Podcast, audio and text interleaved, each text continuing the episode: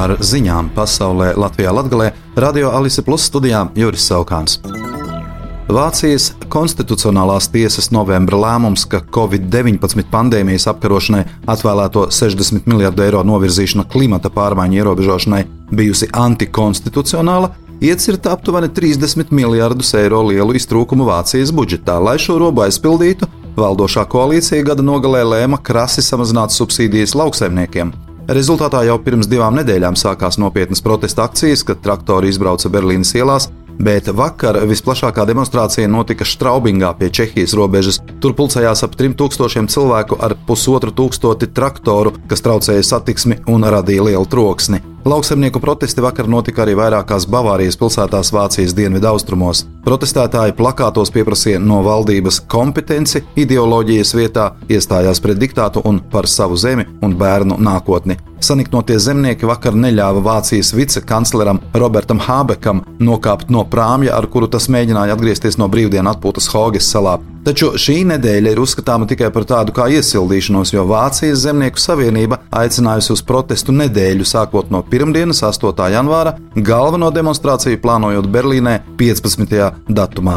Zemnieku savienības priekšsēdētājs Joachims Rukvīts paziņojis, ka valdībai esot pilnībā jāatsakās no subsīdiju mazināšanas plāniem. Ukrainas gaisa spēki ziņo, ka aizvadītajā naktī Ukrainas armija notriekusi 21 no 29 lidrobotiem Šahed, kurus Krievija raidīja uz Mikolajivas, Helsonas, Dņepropetrovskas, Čerkasu, Kirovohrādas un Hmeļņiskas apgabaliem. Vācija nodevusi Ukrainai jaunu bruņojumu partiju, tajā ir arī pretgaisa aizsardzības sistēmas Skynex, sistēmas nepilnu 200 miljonu eiro vērtībā, izgatavotas speciāli Ukrainas bruņoto spēku vajadzībām. Ukrainas dienvidu aizsardzības spēku preses centra vadītāja Natālija Humeņuka savukārt informē par vakardienas Ukrainas uzbrukumu Krievijas militāriem objektiem okupētajā Krimā, kā rezultātā nopietni bojāta pussalas aizsardzības sistēma. Latvijas veselības ministrija iesniegusi saskaņošanai valdībā grozījumus, kas paredz palielināt ikmēneša fiksēto maksājumu ģimenes ārsta praksē, tajā skaitā riska maksājumu no 730 eiro līdz 1000 eiro apmērā mēnesī, bet ikmēneša fiksēto maksājumu par ģimenes ārsta prakses otro un katru nākamo pieņemšanas vietu no 216 eiro līdz 400 eiro mēnesī. Paaugstināt ikmēneša fiksēto maksājumu ministrija iecerējusi no šā gada 1. februāra, jo pat laban prakses uzturēšanas maksājumi esot nepietiekami un neatbilstot faktiskajām izmaksām.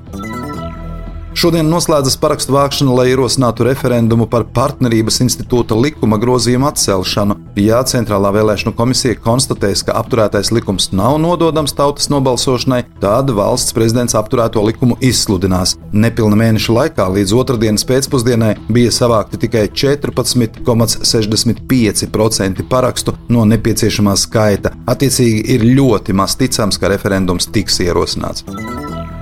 Šorīt sniegs un aplidojums daudz vietā Latvijā apgrūtināja braukšanu pa valsts galvenajiem un reģionālajiem autoceļiem. Reizeknes apkārtnē braukšanas apstākļi bija ārkārtēji slikti, un ceļu dienesti cītīgi strādāja, lai situāciju labotu. Sijā Daugopils ūdens vērsušies ar lūgumu pie Daugopils pilsētas iedzīvotājiem informēt par pamanītajiem ūdensvadu un kanalizācijas sistēmu lūku bojājumiem vai nēsamību, ko sarežģītos ziemas laikapstākļos, īpaši sniegputiņu laikā vai pēc sniega tīrīšanas tehnikas braukšanas, ir grūti uzreiz pamanīt un novērst.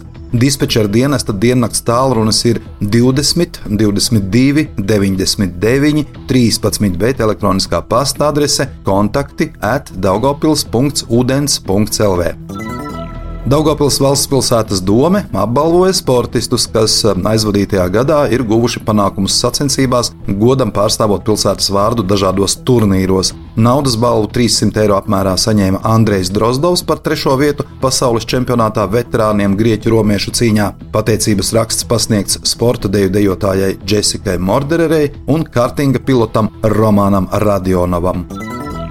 Ar ziņām studijā bija Juris Saukāns par ziņu raidījumu ziņas bez robežām pasaulē Latvijā Latgalē saturu atbildes Jā Alise Plus projektu finansē Mediju atbalsta fonds no Latvijas valsts budžeta līdzekļiem.